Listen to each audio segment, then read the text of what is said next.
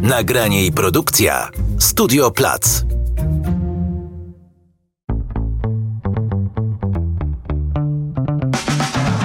Cześć, tu Krzysiek Grzyman. Słuchasz Zielonego Podcastu, czyli rozmów o przyszłości i klimacie. Gościem Zielonego Podcastu jest Michał Rogowski, dyrektor operacyjny Electrum Holding. Witam. Witam, e, witam wszystkich słuchaczy, witam Ciebie, dziękuję za zaproszenie do audycji. E, Electrum Holding jest też partnerem tego odcinka. Porozmawiamy o wielkim temacie, jakim jest dekarbonizacja polskiego przemysłu, czyli odejście e, od węgla, paliw kopalnych we wszystkich gałęziach przemysłu. Tak naprawdę, gdy myślimy o dekarbonizacji, o dojściu do neutralności klimatycznej, zwykle myślimy o energetyce, bo tak po prostu się utarło, tak jest. Jest to też ogromny temat i ogromne wyzwanie, ale zapominamy o tym, że ta dekarbonizacja dotyczy wszystkiego, co się dzieje e, e, w gospodarce, e, czyli także między innymi przemysłu, który jednak jest bardzo ważny w Polsce. Jak dużym wyzwaniem jest odejście od paliw kopalnych właśnie w różnych sektorach przemysłu? Wszyscy tak naprawdę zaczynają od energetyki, bo to widzimy na naszych rachunkach prądu w domu, tak? Ale cała dekarbonizacja to jest temat wielowątkowy, bardzo ciekawy, bo dotyka wielu y, mediów, y, wielu wątków. Z jednej strony mamy wytwarzanie prądu, mamy wytwarzanie mediów energetycznych, które są potrzebne w procesach produkcyjnych, a z drugiej strony mamy procesy produkcyjne, które są wysoce emisyjne. I tutaj tkwi tak naprawdę cały problem. W jaki sposób doprowadzić do tej dekarbonizacji, e, żebyśmy na końcu mieli i efektywny, i ekonomiczny biznes. A, może podajmy przykład jakiejś konkretnej branży. Nie wiem, która jest dla ciebie e, najbliższa, czy którą się ostatnio zajmowałeś. Nie wiem, czy to będzie branża stalowa, ogromna, czy na przykład, nie wiem, branża cementowa, czy może zupełnie inna, bo cały czas jak my używamy słowa przemysł, to wydaje mi się, że wiele osób może sobie myśleć, przemysł, czyli tak naprawdę co? No coś tam się pamięta pewnie jeszcze nawet z lekcji geografii, e, ale jeżeli ktoś się tymi tematami nie interesuje, to może też nawet sobie tego nie móc zwizualizować, tak mi się wydaje. Przemysł wytwórczy, bo, bo o tym e, przemyśle mówimy, mm. tak? E, to mówimy o przemyśle oil and gas, mówimy o, o, o przemyśle właśnie budowlanym, e, wytwórni cementu. Mówimy o przemyśle również spożywczym. Tak więc są to gałęzie, które w, podczas procesów produkcyjnych emitują bardzo dużo dwutlenku węgla i tutaj cała innowacyjność musi polegać e, na ograniczeniu tych e, emisji e, i magazynowaniu na przykład tego dwutlenku węgla. A z perspektywy Polski, dla których branż to jest największe wyzwanie? Myślę, że to będzie hutnictwo, cementownie i, i przemysł petrochemiczny. I w każdej z tych branż tak naprawdę te zmiany już się dzieją, jeżeli spojrzymy na to, co dzieje się na świecie. Nie wiem dokładnie jak w Polsce, ale są już zielone próby, czy to przy produkcji cementu, nie wiem czy przy stali też. Wiąże się to przede wszystkim z, sytuacją w tej chwili na, na rynku, tak? bo e, wojna na Ukrainie e, tak naprawdę wymusiła w tej chwili e, na producentach, e, na, na wytwórcach, przyspieszenie całego tego procesu. Z jednej strony jest to bezpieczeństwo energetyczne i dostawy prądu do zakładu, zapewnienie ciągłości produkcji, a z drugiej strony to są niestabilne e, ceny na, na rynku energii i tutaj zapewnienie sobie tego zielonego prądu, na przykład z instalacji OZE, z farm wiatrowych, z farm fotowoltaicznych, powoduje e, tak naprawdę bezpieczeństwo produkcji mhm. dla klienta. E, powiedziałeś zielonego prądu, e, ale to też nie jest tak do końca proste, że wystarczy jeden kabel zamienić na drugi, e, kabel, który nam doprowadza brudny prąd na kabel, który nam doprowadza czysty prąd, mówiąc bardzo kolokwialnie, ale czasem te, prze, te procesy przemysłowe są bezpośrednio uzależnione od paliwa, którym są zasilane konkretne urządzenia. Zgadza się i tutaj bardzo ważna jest specyfika produkcji danego producenta. Czy on pracuje 24 godziny na na, 7 dni w tygodniu, czy jego proces produkcyjny jest e, ograniczony do na przykład dwóch e, godzin w e, ciągu dnia, bo są też takie procesy, mhm. czy on pracuje w sposób ciągły, czy nie wiem, zmianowy, to to wszystko trzeba wziąć pod uwagę i do niego tak naprawdę dostosować jego, e, jego zapotrzebowanie dostosować do e, produkcji energii, e, którą chcemy mu, mu dostarczyć. Tutaj dużą pomocą mogą być magazyny energii, tak? No bo wiemy, że z jednej strony słońce świeci w dzień, wiatr nie zawsze wieje. Mhm. Połączenie tego wiatru z energią słoneczną i magazynem energii może dać pewie, pewne bezpieczeństwo i dostawę ciągłą e, tej energii elektrycznej. A jak wygląda dzisiaj uzależnienie polskiego przemysłu od węgla? To jest tak jak w energetyce, że około 70% to jest, to jest właśnie węgiel przy, przy, przy zasilaniu zakładów przemysłowych, czy wygląda to inaczej ze względu właśnie na specyfikę niektórych branż? Mówi się, że e, Polska węglem stoi, mm. tak? I ten węgiel cały czas był e, przez lata, przez różne rządy dotowany. Zawsze temat górnictwa był tematem, taką gorącą piłeczką w rękach każdego z rządów. Mhm. Tak, Polska węglem stoi i, i tutaj niestety to uzależnienie od, od węgla jest bardzo duże. E, udział energii odnawialnej w całkowitym e, rynku energii w 2020 roku to było około 16-17%. Minimum, które musieliśmy wtedy spełnić, to było 15%. Na pewno temu, e, to, że spełniliśmy tak, te, te, te wymagania, pomogła pandemia, e, ograniczenie produkcji, e, bo wtedy produkcja polska spadła około 3%, ale tak naprawdę to pokazuje, ile jest, jesteśmy, ile musimy jeszcze zrobić, jaki, jaką mamy drogę do, do pokonania. Wybuchła wojna na Ukrainie, paliwa kopalne z Rosji stały się w, nieakceptowalne, źle widziane i przyspieszenie na, na rynku energii odnawialnej e, dało się zauważyć e, naocznie, tak? Nagle wszyscy zaczęli budować farmy wiatrowe, fotowoltaiczne. No z tymi wiatrowymi jeszcze wiemy, że te przepisy nie do końca nam e, pomagają, ale rynek ruszył w taki sposób, że no w tej chwili gdzieś około 30% tej energetyki odnawialnej w produkcji energii już mamy osiągnięte. I jak to wygląda z perspektywy firm? No bo z perspektywy mnie, osoby prywatnej, jeżeli mieszkam e, w domku jednorodzinnym, to mogę sobie zainstalować panele fotowoltaiczne, do tego dorzucić na przykład magazyn energii, chociaż to jeszcze nie jest tak popularne, e, do tego dorzucić e, jako ogrzewanie pompę ciepła, tak żeby na przykład nie mieć jakiegoś kotła na węgiel, czy, czy, czy, czy, czy nawet pieca na gaz, czy na ropę. I, I tak naprawdę przejść na zieloną stronę i mogę sobie to sam zrobić. Jeżeli mieszkam już z kolei w jakimś większym budynku wielorodzinnym, no to zrobić mogę y, niewiele. Mogę podpisać umowę na zielony prąd, co jest super krokiem, no ale osobiście żadnych źródeł nie zainstaluję. A jak o tym myśli przemysł? Czy przemysł y, siedzi i czeka, aż w miksie energetycznym będzie więcej zielonej energii, czy jednak do tego podchodzi bardziej proaktywnie i jednak też sam stara się rozwiązać swoje, czy tak naprawdę zapewnić dostawy zielonej energii dla siebie, czy to przez budowę e, e, własnych zielonych źródeł, czy przez podpisywanie jakichś e, umów już bezpośrednio z producentami zielonej energii. No jak wiemy, przemysł nie może tutaj czekać e, bezczynnie, musi być proaktywny. E, jest niestety w dużej mierze skazany tak naprawdę sam na siebie, ale wpisuje to w całą strategię biznesową e, i musi przejść na tą zieloną energię z kilku powodów. Pierwszy powód ekologiczny, tak? to jest niedyskutowalne, chcemy być zieleni, e, chcemy chronić na naszą planetę.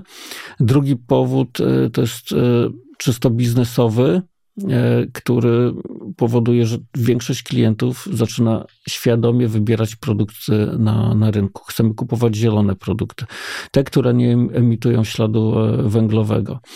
Inwestorzy też patrzą na to, w jaki sposób odbywa się produkcja cały ciąg produkcyjny od e, zakupu surowców, e, czy te, albo półproduktów, czy te półprodukty również są produkowane przy użyciu zielonych technologii. I teraz ten, kto wykorzysta tą sytuację w tej chwili na rynku, nagle może się okazać, że wygra y, i będzie miał większy udział w rynku, będzie mógł dyktować warunki. Tak więc przemysł polski musi wyprzedzać, y, musi iść do przodu. Y, wiąże się to oczywiście z dużym, z dużym nakładem finansowym, ale wpisując to w strategię biznesową, jeżeli jeszcze dodatkowo firmy będą współpracowały ze sobą, wymieniały się doświadczeniami, mogą tylko i wyłącznie na tym e, wygrać, a tak samo dzięki temu to wygramy my jako konsumenci na, na końcu. Powiedziałeś o tych konsumentach, którzy zwracają uwagę na ślad węglowy produktów. Wydaje mi się, że w Polsce to jeszcze nie jest tak popularne, może bardziej e, na zachodzie, no ale e, klientami firm e, są nie tylko osoby prywatne, ale też inne firmy, tak? To, to, Zgadza się. My jesteśmy dostawcą wielu komponentów do, do, do, wielu krajów, szczególnie do Niemiec i to już pewnie ma dużo większe znaczenie, tak? Że ponieważ niemieckie, niemieccy producenci chcą, żeby ślad węglowy ich produktów był jak najniższy, dążący do zera, no to w całym tym cyklu produkcji, łącznie z poddostawcami, tam też ślad węglowy musi schodzić do zera. I to już bezpośrednio wymusza na polskich firmach, które są yy, producentami tych mniejszych części do większych maszyn, czy, czy, czy po prostu dostawcami jakichś, yy, jakichś produktów, do tego, żeby ich ślad węglowy ścinać, bo inaczej ten na przykład yy, wspomniany niemiecki kontrahent nie będzie chciał tego kupić. No niemiecki, czy inny europejski, czy, czy ogólnoświatowy, tak? Tutaj mm. na przykład rynek azjatycki, yy, rynek yy, Stanów Zjednoczonych, tak? tak więc te, te, te rynki bardzo mocno wymuszają e, zieloność e, produktów, bardzo mocno na to zwracają uwagę. I w, tak naprawdę nie mamy wyjścia, nie ma odwrotu od tej drogi. Tylko pytanie, kiedy, za ile i tutaj, e, jeżeli będzie dodatkowe na przykład jakieś wsparcie od państwa, tak jak jest to w Niemczech, mamy szansę wygrać na tym temacie bardzo dużo. Mhm. Polskie firmy mogą stać się liderami jak już i tak w niektórych branżach są, e, w swoich dziedzinach. E, a jak to jest z dostępnymi technologiami? E, wszystko już jest i można po prostu wybierać z katalogu rozwiązań i wdrażać te konkretne potrzebne?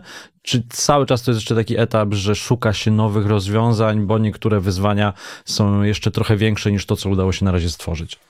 To zależy w jakim kontekście mówimy, tak? Mm. Czy mówimy o rzeczach, które są instalowane, jak panelach, wiatrakach. E, no to pewnie już istnieją. To istnieje, tak, i ta technologia jest tylko i wyłącznie rozwijana. Mm Magazynowanie A, energii pewnie jeszcze na ścieżce wzrostu. E, I to bardzo dużej ścieżce mm wzrostu, bo e, w tej chwili na rynkach, na przykład w Chinach nie można wybudować farmy fotowoltaicznej czy farmy wiatrowej bez magazynu energii.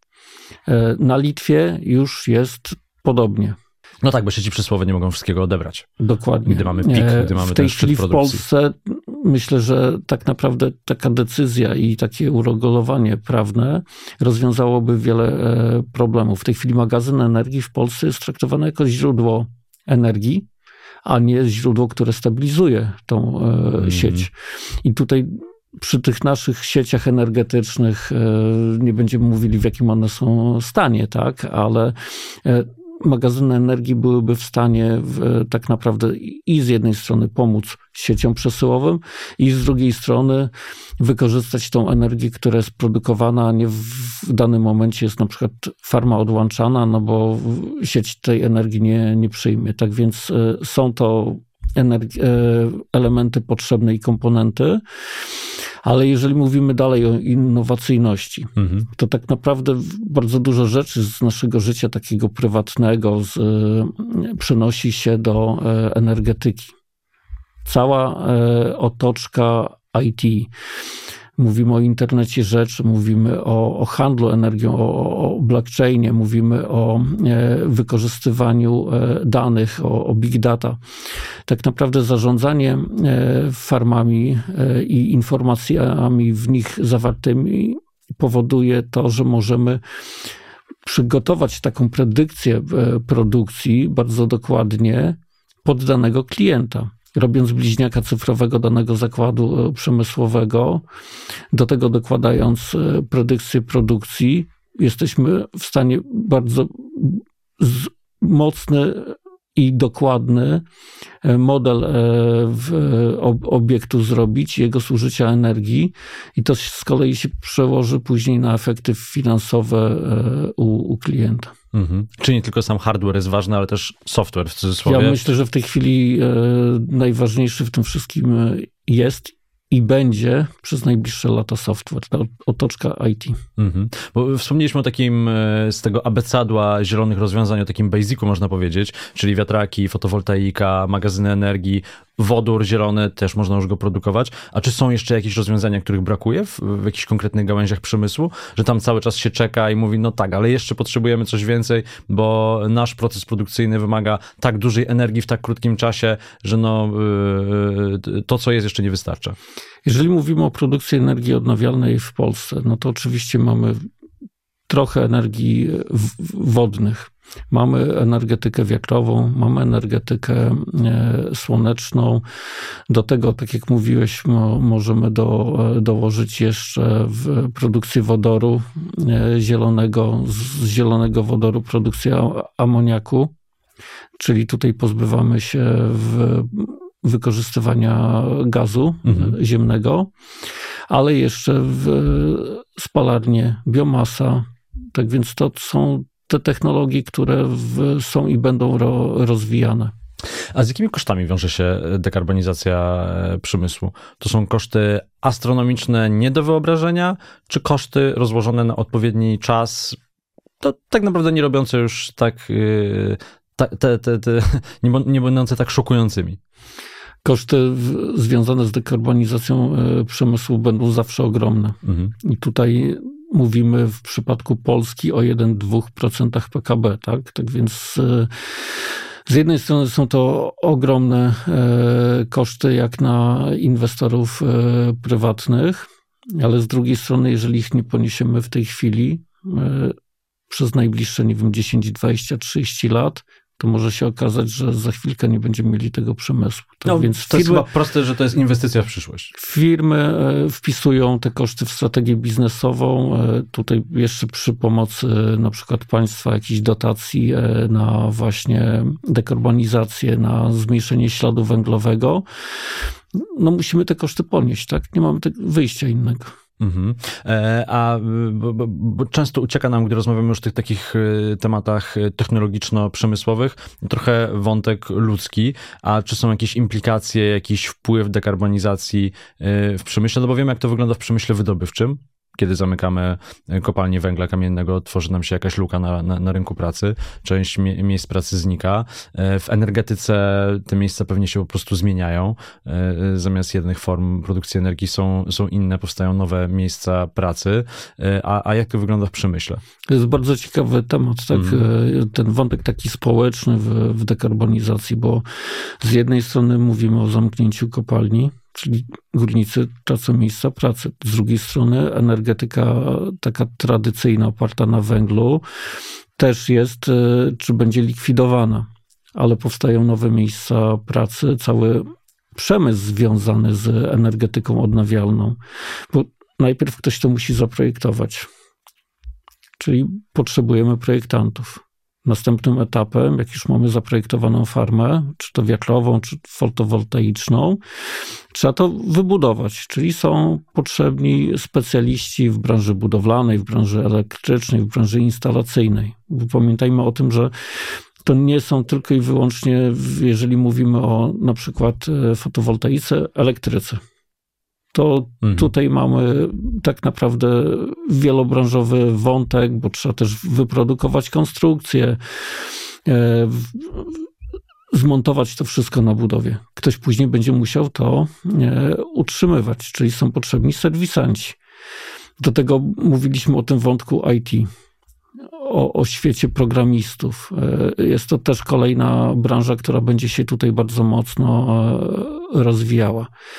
Jeżeli mówimy dalej o dekarbonizacji, to pojawią się kolejne miejsca pracy, na przykład w rolnictwie, czyli paliwa, produkcja roślin.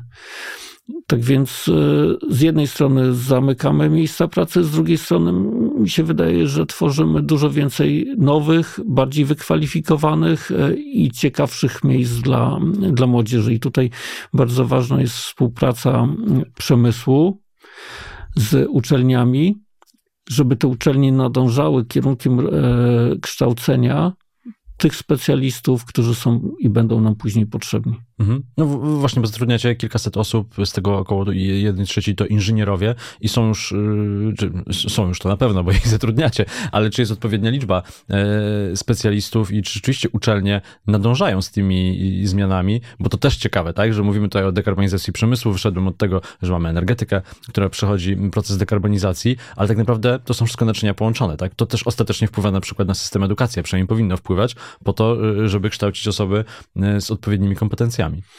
Muszę powiedzieć, że ciągle na tym rynku brakuje osób.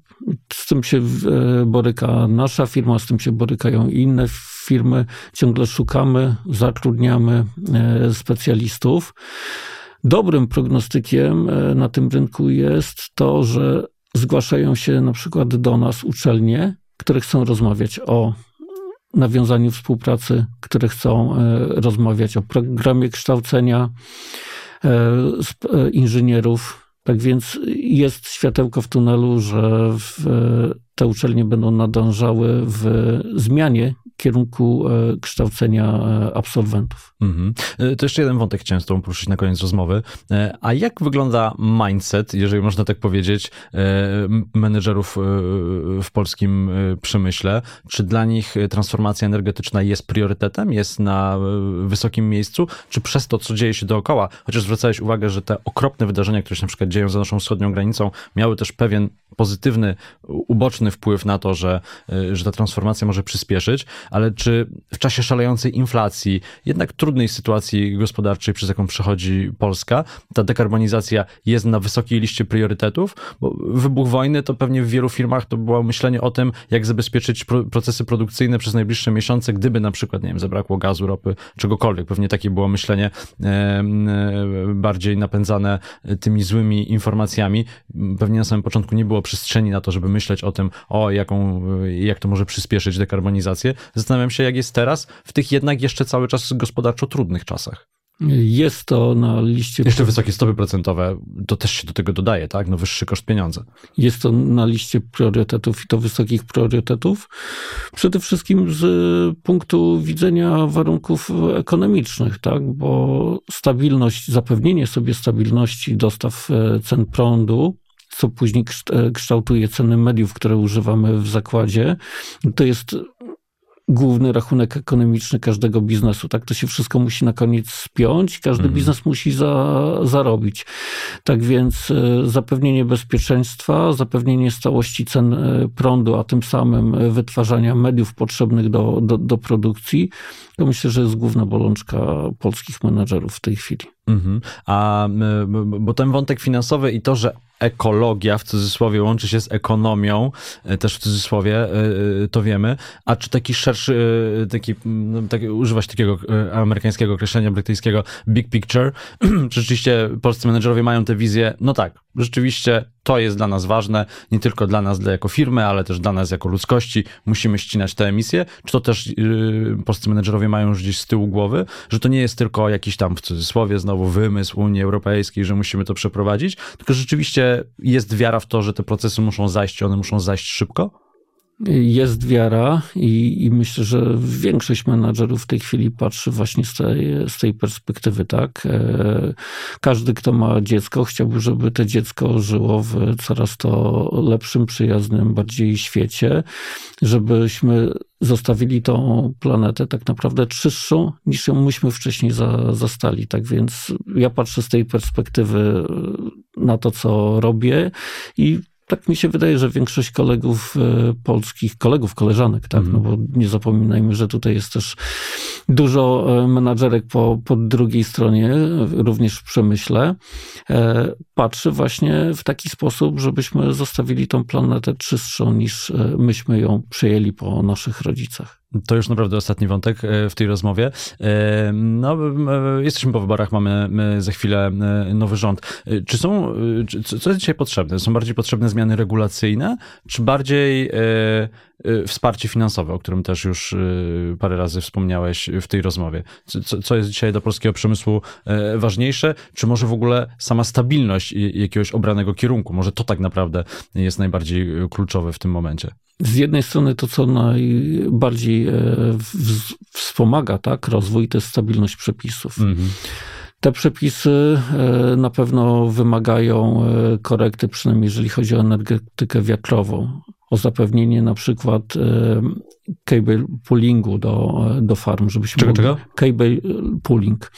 Jest to podłączenie jednym przyłączem i wiatru, i fotowoltaiki. Jest to na przykład zmiana myślenia w stosunku do magazynów energii, że nie są one źródłem energii, tylko czymś, co stabilizuje tak naprawdę nam system. Mhm. E, I kolejną, chyba najważniejszą rzeczą też jest wsparcie państwa w finansowaniu tych wszystkich przemian. Tak, mhm. żeby ten polski przemysł e, miał szansę rozwoju, szybszą rozwoju, no bo kto będzie pierwszy, kto wykona te kilka kroków szybciej niż e, konkurencja, na tym wygra. E, no dobrze, to w takim razie e, trzymamy kciuki.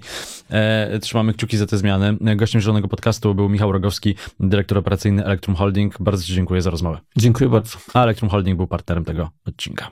Do widzenia.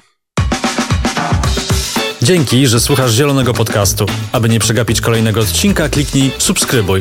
A jeśli podcast Ci się podoba, możesz go ocenić i polecić znajomym. Znajdziesz mnie także na Instagramie, LinkedInie i na Facebooku. Krzysiek Grzyman, do usłyszenia.